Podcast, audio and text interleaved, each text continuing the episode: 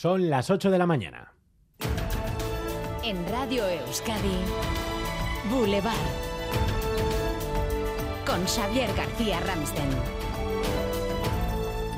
Dentro de media hora visita a Boulevard el consejero de Educación Joaquín Bildarratz tras aprobar el anteproyecto de una de las grandes leyes de la legislatura, la ley que regulará por primera vez todo el sistema educativo. En el Parlamento Vasco hoy se reúnen los firmantes del pacto, es decir, PNV, EH Bildu, el Carrequín Podemos, Izquierda Unida y PSE.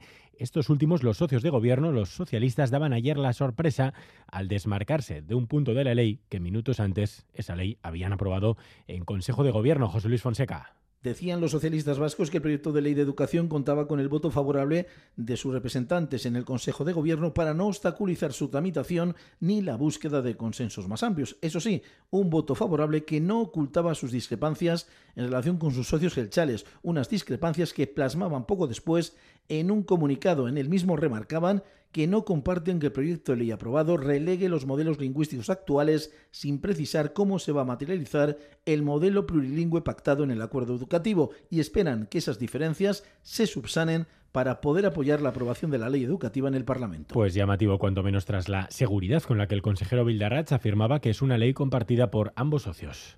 Esto es una decisión del Gobierno, del Consejo de Gobierno, y esto cuenta con el apoyo de todos los miembros del Consejo de Gobierno.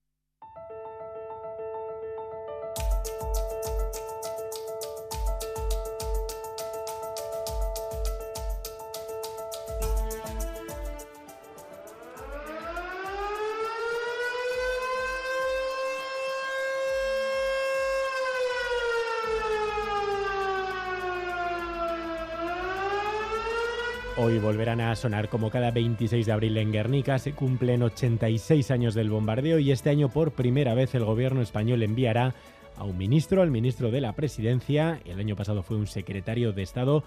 Coincidirá allí Félix Bolaños con el Lendakar Íñigo Urcuyu, que en declaraciones que a esta hora les ofrecemos agradece el gesto del gobierno, aunque insiste, falta un gesto. Nunca debieron ocurrir aquellos ataques a la población civil y a un Estado democrático le toca y debe asumir liderar ese reconocimiento. Se lo debe a las víctimas. Este gesto de justicia restaurativa de la memoria histórica de Guernica sigue estando pendiente. Ese perdón no llega, pero sí otro paso más que anunciaba anoche en el Senado el presidente del gobierno Pedro Sánchez. Guernica será lugar de memoria habrá una declaración de Guernica como, como lugar de memoria por el horror del, del, bombardeo fascista, que no solamente desde el punto de vista de la presencia física, sino también o institucional del ministro, sino también desde el punto de vista político, tenemos ese, ese reconocimiento. En Guernica los actos arrancan a mediodía y no iglesia. A las 12 del mediodía sí se entregarán los premios Guernica por la paz y la reconciliación en una gala en el Teatro Liceo y por la tarde, tras un acto civil en el frontón Jayalay, a las cuatro y media en el cementerio de Zayo, responso y ofrenda floral por las víctimas, acto en el que coincidirán el ministro Bolaños y el endacari Iñigo Urcuyu. Poco antes, a las cuatro menos cuarto, sonará la sirena antiaérea a la misma hora que lo hizo hace 86 años. 26 de abril que nos deja más noticias, las repasamos en titulares con Leire García.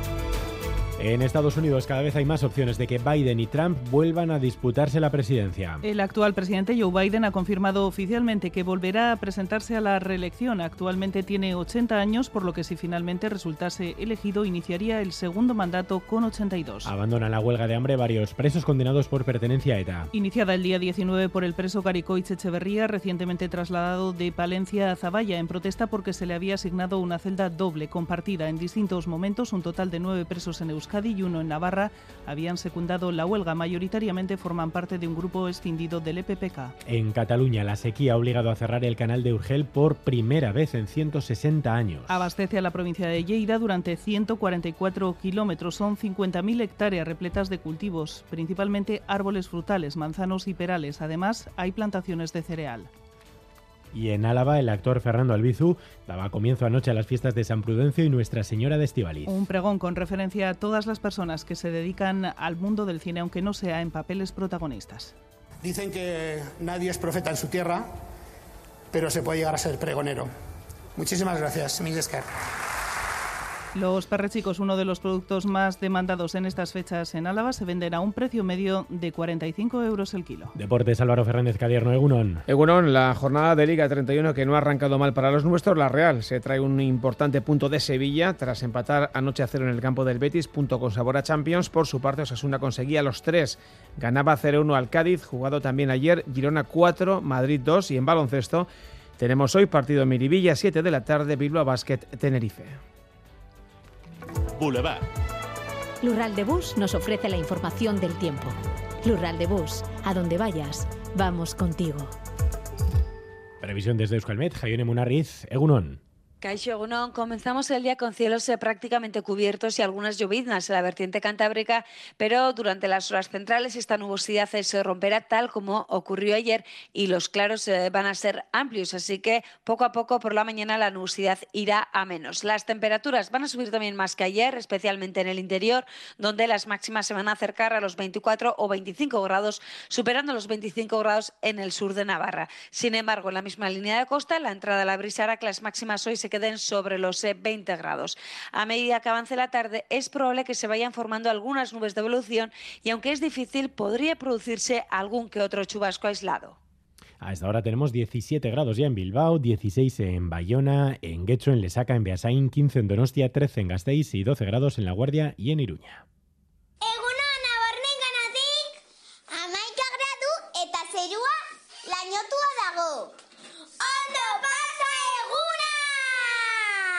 Egunon, lehioan amasei gradu, ondo izan, agur. Egunon, gaur zarautzen amasei gradu, ondo izan, aio. Egunon, gerniken amasei gradu.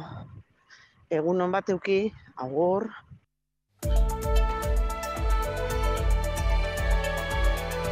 Boulevard. Tráfico. Así Herrero Egunon. Egunon, hay dos puntos con problemas a esta hora. En la Nacional 240 entre Galdaca y Solo, un conflicto laboral está provocando retenciones y hay caravana también en la Nacional 637 en Derio en su confluencia con el corredor del Chorierri sentido Erleche por un camión averiado. Turno de tarde en el hospital. Ocho horas me esperan. Voy a visitar a Laitona, a pasear juntos un ratito. Con las amigas al teatro, qué ganas tenía ya. Porque la vida vuelve y el transporte público es vida, en Lural de Bus, donde vayas, vamos contigo. Ayúdanos a mejorar nuestra información con tus comentarios, fotos y vídeos. Envíalos al WhatsApp de Radio Euskadi 688 840 840.